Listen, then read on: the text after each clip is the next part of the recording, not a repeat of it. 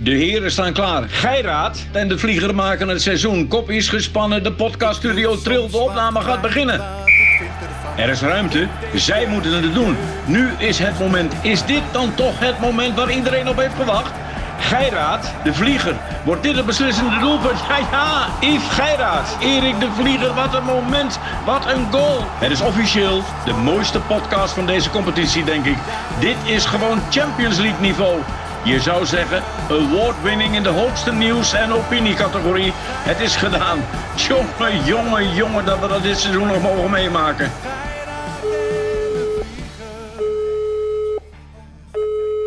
Muito bom dia, senhor.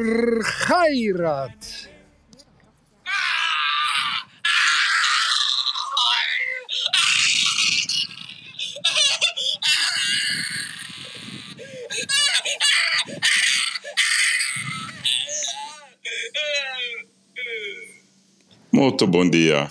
Wat is dat nou weer, Yves? Goed hè? Is dat, eh, heb je heel je, gisteravond dat je met Tamara in bed lag, heb je dat stiekem opgenomen? Nee, dit is zeg maar het gekkenhuis. Kijk, gisteren, E- Erik. ja. ik heb tot vrij laat gewerkt. En Tamara die was eh, naar een verjaardag van een goede vriendin van haar.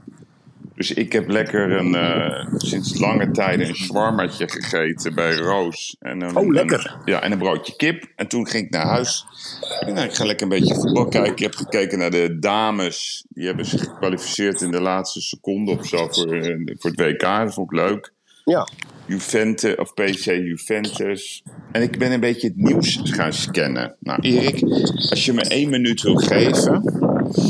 Ik heb een samenvatting gemaakt van wat er vandaag in de krant staat. In Volkskrant, NRC, Trouw, Parool, AD, Telegraaf. En een beetje op één. Daar komt hij. Steeds meer tinnitus door hard geluid. Dus de festivals moeten voortaan ook dicht. Isolatieplan Amsterdam vertraagd. Formule 1. Vrouwen zijn lastiggevallen. Regenbuien kunnen leiden tot vissterfte. Prijs vliegticket knalt omhoog. Advies kernenergie al besmet. Gevaar ligt op de loer. Boeren opnieuw de klos. Nieuwe pensioenwet wordt een catastrofe. Poetin wil tweespalt zaaien in Europa. Wie wordt de opvolger van Staghouwer? Dat was de kernvraag bij op 1. Volgens Jesse Klaver gaan we allemaal dood als we nu niks doen. En volgens Jan Paternotte is de complete natuur in groot gevaar. En Adje Kuiken die moest huilen, maar Adje en Jesse die willen een prijsplafond voor de energierekening. De woningmarkt in New York gaat ondertussen door het dak. De grote giftige spin die rukt op. Maar ze hebben ook advies hoe je van het buikvet afkomt. Maxima die is haar Amerika- Amerikaanse tour in een LHBT-wijk gestart. Weer een nieuwe klap voor de boeren. Arjen Lubach die heeft Yvonne Kolderweijer het zwijgen opgelegd. En we weten nu hoe Europa's nieuwe klimaat zich afgelopen zomer aftekende. Heet, droog, met af en toe een tornado, maar ze zijn vorig jaar vergeten. In Trumps huis ondertussen ligt uiterst gevoelige nucleaire informatie. Hendrix Colijn, verleden en de koloniale, koloniale krijgsheren, die gaan we terug in de tijd hoe het Binnenhof was veroverd. Het bagagepersoneel op Schiphol deed te zwaar werk. De privacywaakhond AP die adviseert het kabinet en die zegt stop met het delen van persoonsgegevens aan kerken. Maar het is vooral de vleessector die polariseert. Echte mannen, Erik, die dragen nagellak.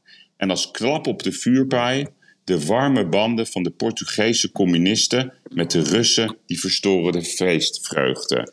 Dit is, een, dit is een snapshot van het nieuws, Erik. nou, dus ik, ik moest even met mijn gevoel aan jou duidelijk maken toen ik dat allemaal Ja. las. Ja, ja, kijk, we hebben het er vaker over gehad, lieve Yves.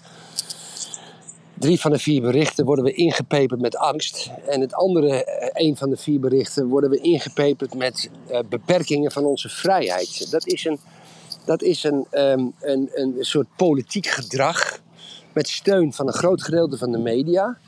Eh, en dat ondergaan we maar. Ik, ik, ik sta nu overigens eh, 50 kilometer onder Lissabon bij een wegrestaurant. Ja, dat ziet er gek uit, Erik. Ja, dat wegrestaurants in Lissabon zijn gek. Ik had, ik had twee missies vandaag. Als ik die ook even mag uitleggen in een half minuutje. Ik Ja, maar twee ja, even, Erik, want je zei dat je een bank ging overvallen in Lissabon. ja, ik zou twee bankroven gaan doen. Er is er eentje van gelukt. Daar ben ik bijna bij. Gaat om een hele grote deal, 500 woningen, et cetera. Ze financieren mee, dat is een heel lang verhaal.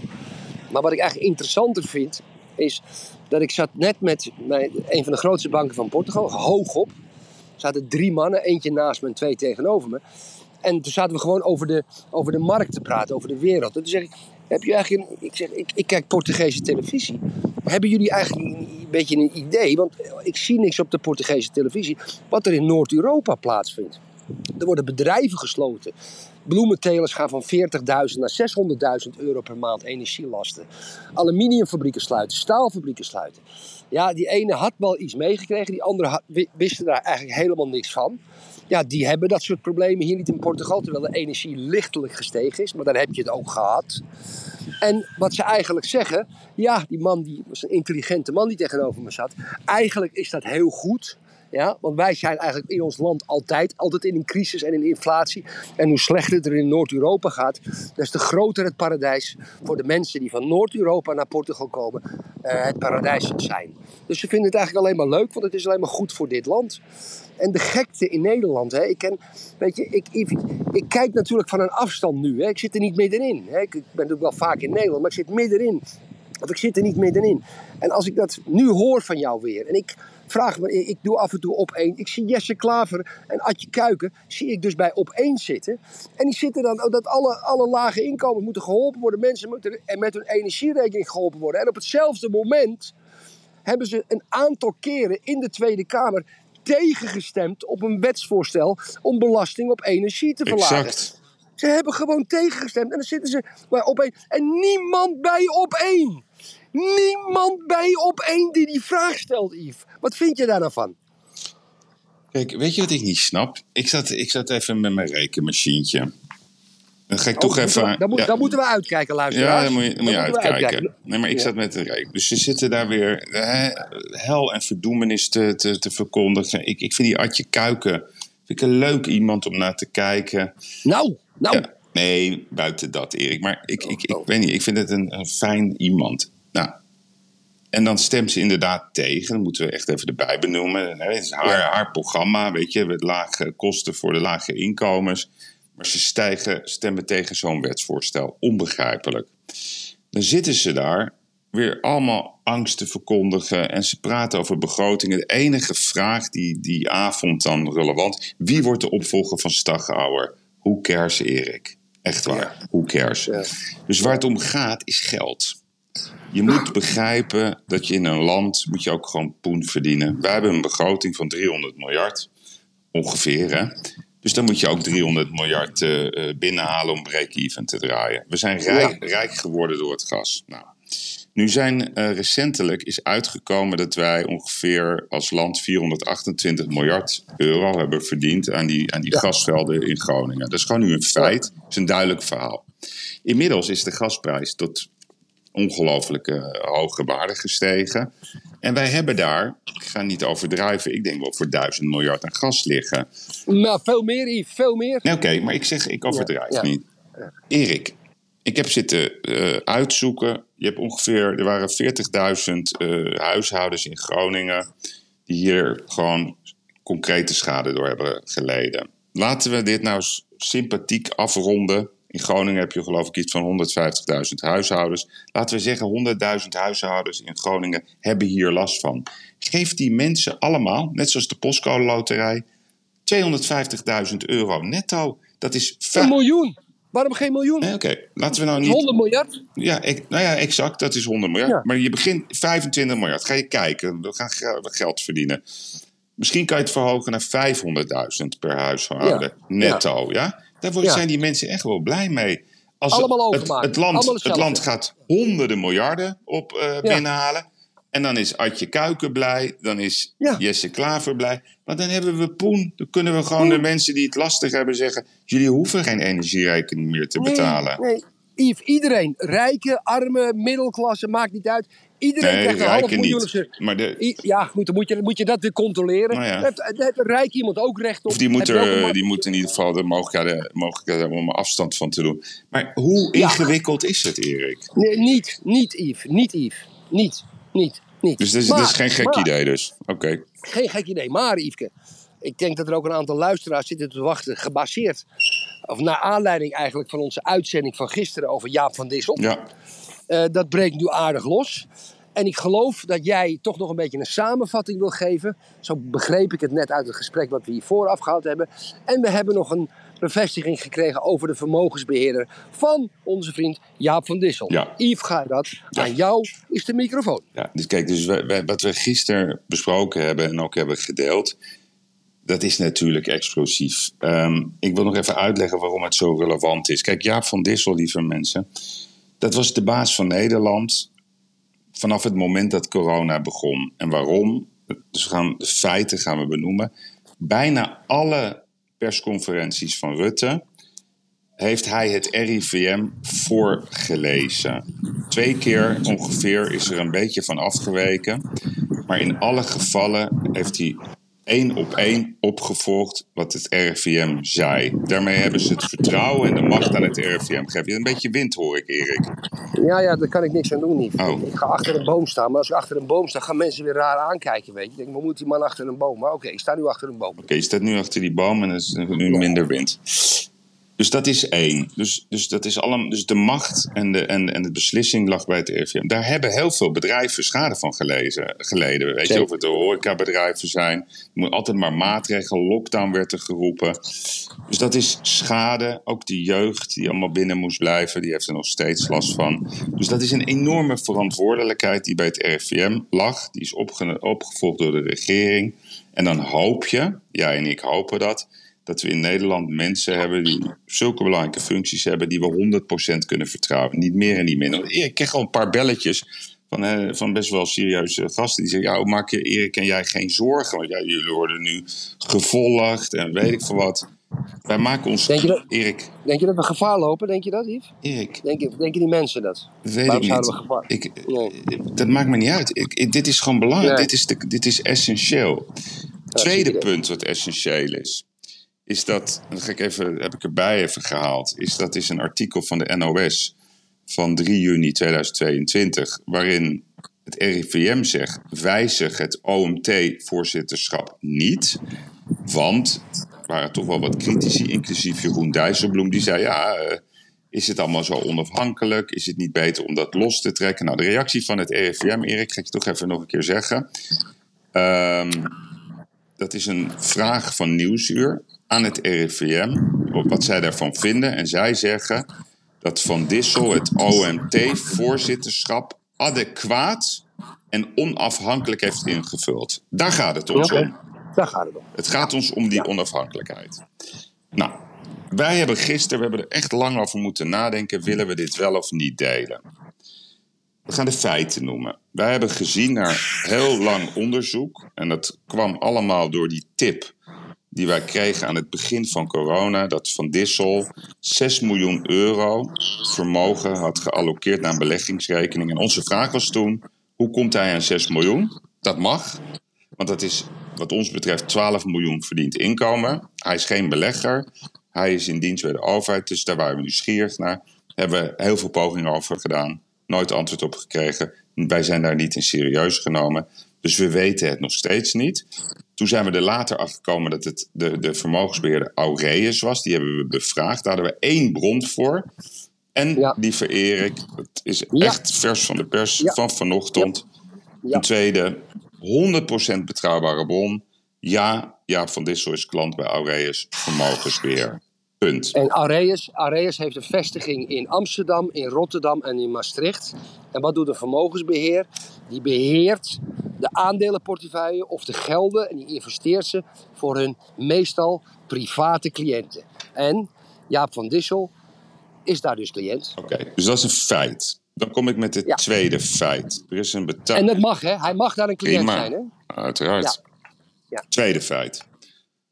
Een betaling van de Stichting Open Nederland van 750.000 euro van een Belgische bankrekening naar Jaap van Dissel privé. Feit nummer twee. December. Rabobank. December. Rabobank. Feit nummer drie. Ja. nummer van de Rabobank is mij bekend. Het volgende feit. We weten ook dat er van diezelfde rekening een betaling is gedaan aan een Roemeen. Ik zal zijn naam nu ook noemen. Sorin Zami Firescu. Oude man, verbonden aan de EU, laag bedrag weliswaar, vinden we raar. Dezelfde dag gaat niet het hele bedrag naar Aruba. 400.000 euro wordt overgeboekt naar Alvarez Comenas uit Aruba. Volgende feit. Alva Alvarez Comenas als een persoon of als een firma? Weet je dat ook toevallig? Ja, het, dat is mij niet helemaal duidelijk wie dat is. Oh. We hebben daarna lopen onderzoeken. Wij begrepen dat dat een advocatenkantoor is. Maar dat, dat, dat wil ik niet als hard feit brengen. Ik zeg het letterlijk, wij begrepen dat.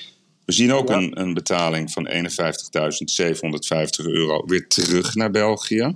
Naar een, naar een eigen rekening van, ehm, van Dissel. En dan kijken wij naar die Stichting Open Nederland. Daar heb ik gisteren wat over gezegd. Ik ga nu wat specifieker zijn. Want ik zag wat, wat, wat berichten dat Tom Middendorp van dingen wordt beschuldigd. Dat is niet correct.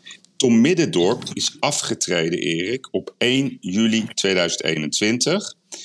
Ja. Toen is er een nieuwe bestuurder bijgekomen bij die Stichting Open Nederland. En dat is Pier Eringa.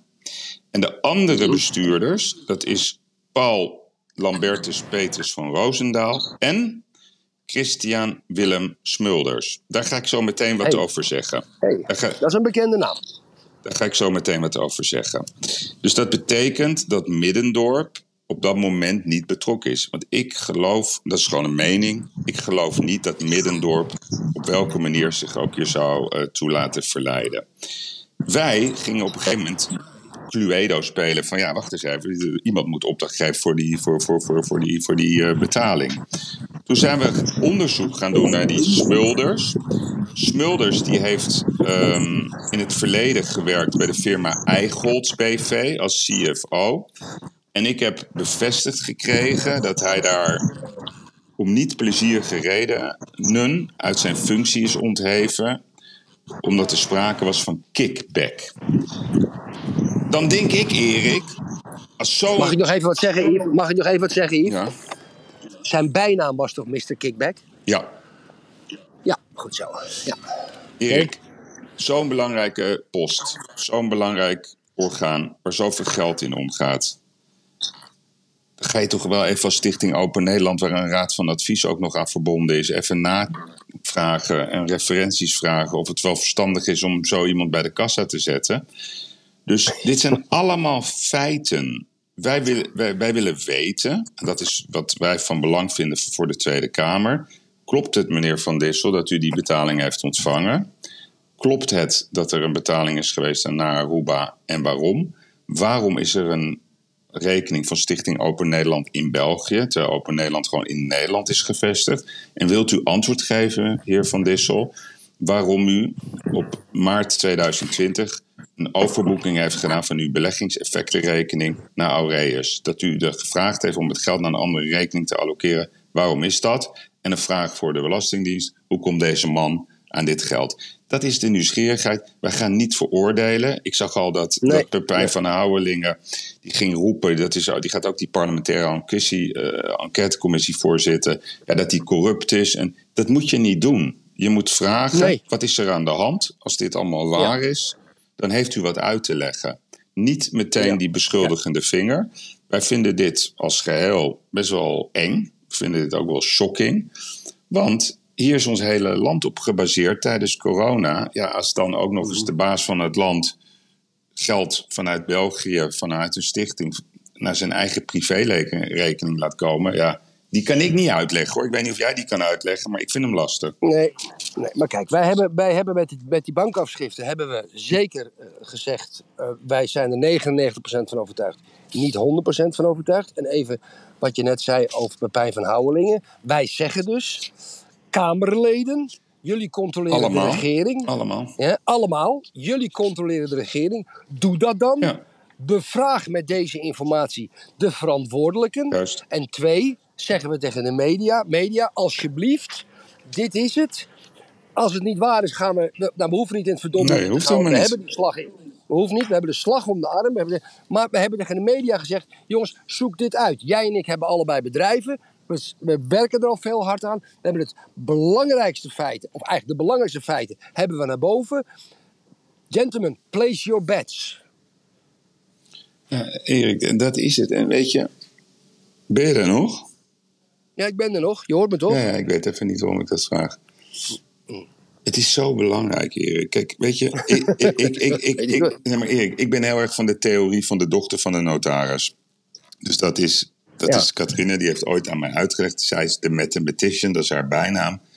Dat welke groep je ook hebt in een samenleving, of het nou een advocatenkantoor is, of het is in de, in de voetballerij, of het is in de politiek, 3% deugt niet. Daar komt het. Statistisch gezien, statistisch Ja, gezien, nou, dat denk ik ook. deu- Ja. deugt 3% niet. Ja. Maar wij hopen dat Jaap van Dissel niet bij die 3% zit. Dat hopen wij. Nee, dat hoop ik echt. Ja, dat Want hoop ik ook. Als, als dit, als dit waar is, ja, de- ja Yves, ja, we Mannen, er beter mee Erik, stoppen. Yves, de tijd zit erop. Het is mooi geweest. Erik. Afronden. Dan heb je Bjorn Kuipers weer. Wat gaat het snel, hè? 20 minuten. Ja, ja, maar we hebben het belangrijkste gezegd. En ik blijf zeggen, we moeten deze podcast die we dagelijks doen kort houden. Anders wordt het, we we doen op vrijdag de kapiteinenlijn. Wordt allemaal lid, lieve mensen, wordt allemaal lid. En daar gaan we twee, tweeënhalf uur praten.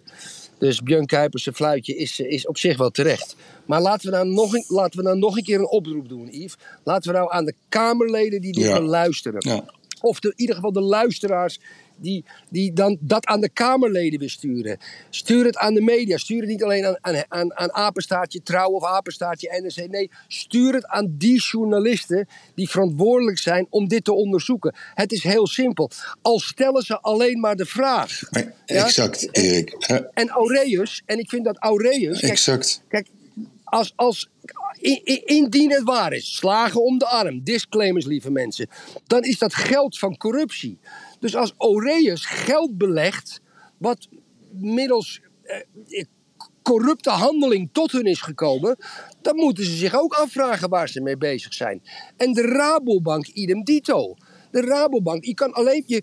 Kijk, als je aan de Rabobank als journalist vraagt: dit en dit rekeningnummer, is dat bij meneer Van Dissel, is daar geld opgekomen? Dan zegt de Rabobank: wij doen geen mede- individuele mededeling over individuele En dat klanten. zeggen ze altijd, ja.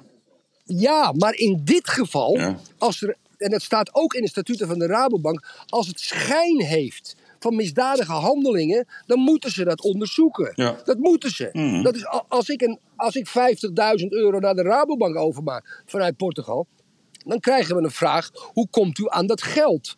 Ja, net als met Siebert, dat is gewoon 9 of de 20 miljoen op de rekening van de Rabobank gekomen. En de Rabobank had zich dus af moeten vragen of zij niet een misdaad faciliteerden. Ja, en dat, dat, dat, ik, ik zit te wachten op de Rabobank. Nee, maar Erik, het is, eens. Dus, dus, dus aan iedereen, niet emotioneel, geen, niet meteen Nee. iedereen beschuldigen. Gewoon bevragen Precies. in de Kamer. De, de, Ja. de media moet, moet het bevragen aan de Rabobank, want daar is het op binnengekomen, dat geld. Wat Ja. is er gebeurd? Klopt dat? Kunt u dat onderzoeken? Aureus vermogensbeheer moet hier ook over bevraagd worden. En in de Kamer moeten de verantwoordelijke mensen die op dit dossier zitten bevraagd worden. Dus ook Hugo de Jonge, Erik, want die was van VWS. De Stichting Open Nederland, die viel daaronder. Daar zijn onwaarschijnlijke bedragen naartoe gegaan. Er is nog steeds natuurlijk die 5,2 miljard aan verloren bonnetjes. Nou, daar geloof ik heel eerlijk gezegd helemaal geen ene reet van. Die zijn weg Nee. of zo. Dat kan helemaal niet. Dan zouden dus 5,2 miljard euro opgenomen moeten zijn. Cash. Nou, zie jij het je voor je. Ja, dus, dus Hoeveel vrachtwagens ja, zijn dat zijn heel veel. Het ligt ook welke biljetten dat zijn. Ja, dus, zeg 50 is. ja, en laten we er geen lang dossier van maken. En weer onderzoeken en Deloitte eh, bellen of ze het willen onderzoeken voor 9 miljoen. Nee, Ja. dit is gewoon de kern. Het is ook geen ingewikkeld Precies. verhaal. Gewoon de kernvragen. Precies. En ik wil een antwoord. Precies. En ik denk dat alle. Nederlanders een antwoord willen. En ik denk ook dat alle ambtenaren een antwoord willen. We willen gewoon fair play. Dat is het enige wat we willen. En we willen samen de grote vraagstukken bewandelen en oplossen. En dat is voor iedereen van belang. Het is geen ruzie dit.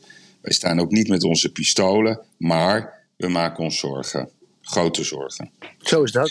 Yves, ik vind het een prachtige afsluiting. En ik ga je morgen weer spreken. En ik zeg gedag tegen de luisteraars. En ik rijd door naar het zuiden. Hallo, Ja, nee, je mag me nog wel even succes wensen.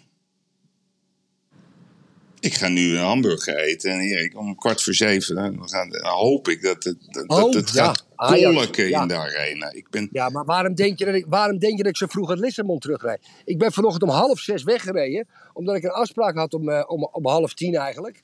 En ik had er nog eentje erbovenop. Dan kan ik nu lekker terugrijden, lekker douchen. En dan zit papi zit met zijn gekamde haartjes in zijn pyjamaatje op de bank voor de wat televisie. denk je? Zullen we even een voorspellingje doen? Ja, het wordt slagpartij. Ja, ik, ik, ik, denk, ik denk dat het een gekhuis wordt. 3-4-0. Eh, ja, dat denk ik ook. En we hopen het ook. we Ja, weten het soms niet hoop je iets en dan ga je zeg maar iets Ja. Maar ja. ik denk het echt. Oké, vriend. Ik ook. We gaan dit zien. Gozer. En morgen, ja, dan is er weer een nieuwe dag. Ja? Ja, er zal er wel weer wat nieuws gebeuren. Tot, tot morgen, vriend. Hartstikke idee. Hoi, hoi.